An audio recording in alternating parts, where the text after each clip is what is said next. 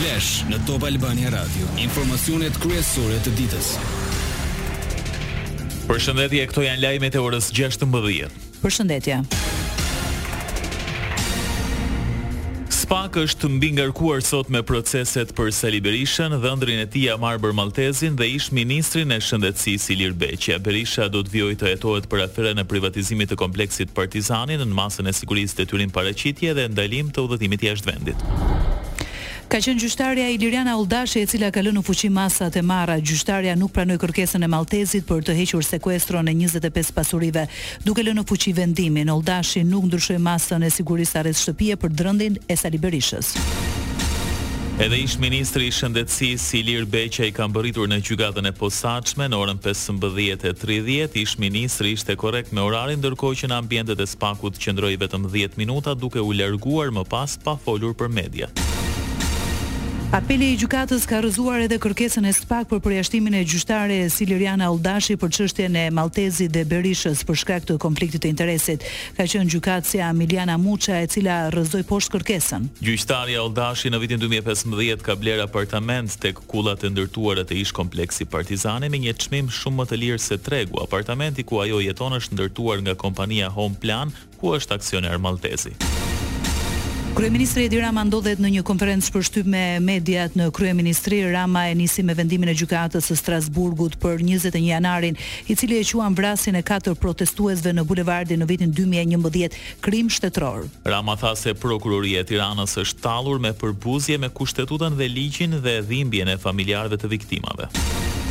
I pyetur nga gazetarët për negociata me Berishën, Rama u shpreh i vendosur se nuk negocion me non grata. Gjithashtu, sa i takon ftesës së deputetit të opozitës Gazmend Bardhi për dialog lidhur me ngritjen e komisioneve hetimore, Rama tha se nuk ka asgjë për të negociuar. ciuar.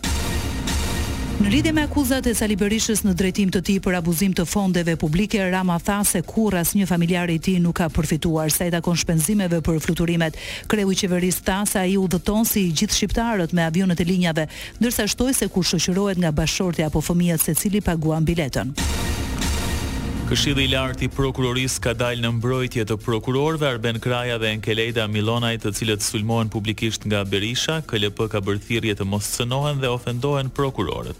Kraja dhe Millonai po hetojnë dosjen e privatizimit të ish-kompleksit Partizani. Berisha akuzohet nga spak për korrupsion pasiv, ndërsa dhëndri i tij Jamarbër Malltezi për korrupsion pasiv dhe pastrim parash. Lajmet në internet në adresën www.topalbaniaradio.com. Arti në zi, mjeshtri i humorit, aktori i njohur Zef Deda ndërron jetë në moshën shtatëdhjetë e tre vjeçare, prej kohësh Deda vuante nga një sëmundje e rëndë. Zef Deda ishte një nga komedianët më të mirë të Shqipërisë, i cilësuar edhe si Çarli Çaplini i Shqipërisë. Ai lindi në Shkodër dhe u shkollua në qytetin e tij të lindjes dhe në Tiranë. Britania e Madhe ka dhuruar për burgjet shqiptare mjetet për transportin e të burgosurve. Qeveria angleze ka paguar vlerën prej një pikë pesë milionë sterlinash si pjesë të marrëveshjes për transferimin e të burgosurve. Ministri i Drejtësisë Ulsi Manja deklaroi se ndihma bujare e qeverisë britanike bën të mundur rritjen e standardeve në sistemin e burgjeve në trajtimin dinjitoz të të dënuarve. Shërbimi Meteorologjik Ushtarak ka bërë parashikimin e motit për fundjavën dhe fillim javën, sipas saj fundjava do të jetë në kushte tipike të ditëve të dimrit, në pjesën më të madhe të territorit do të ketë reshje shiu, ndërsa në zonat verilindore dhe juglindje do të ketë reshje dëbore. Ndërkohë për sot vendi ynë do të jetë nën ndikimin e kushteve atmosferike të paqëndrueshme, moti parashikohet me alternime vranësirash dhe me intervale kthjellimesh. Temperaturat variojnë nga pesë deri në njëzet e tre gradë Celsius. Lajme nga rajoni. Misioni i Bashkimit Europian për sundimin e ligjit në Kosovë, EULEX, njoftoi dërgimin e një ekipi prej gjashtë këshilltarësh policorë, të cilët do të angazhohen në katër stacionet e policisë në veri të Kosovës. Kjo lëvizje vjen vetëm pak ditë pasi zëdhënësi i BE-së, Peter Stano njoftoi se blloku ndan shqetësimin që ngriti presidenti ukrainas Zelensky për rrezikun e një shpërthimi të situatës në Ballkan. Kryeministri i Kosovës Albin Kurti ka deklaruar se koha prej dy muajsh prej kur ndodhi sulmi terrorist në Banjskë të Zveçanit është mëse e mjaftueshme që të ketë një hetim të hollësishëm. Kurti u bëri thirrje faktorëve ndërkombëtarë që ta shtrojnë këtë çështje dhe Serbisë t'i vendosen sanksione për sulmet e ndodhura. Komisioni Europian ka argumentuar se nuk ekzistojnë që shtetasit e Republikës së Serbisë me vendbanim në Kosovë të mos kenë mundësi të udhëtojnë pa viza, për dallim nga shtetasit e Serbisë me vendbanim në Serbi. Në prill të këtij viti KE-ja kishte theksuar se liberalizimi i vizave i miratuar për Kosovën vlen vetëm për poseduesit e pasaportave të Kosovës. Lajme nga bota.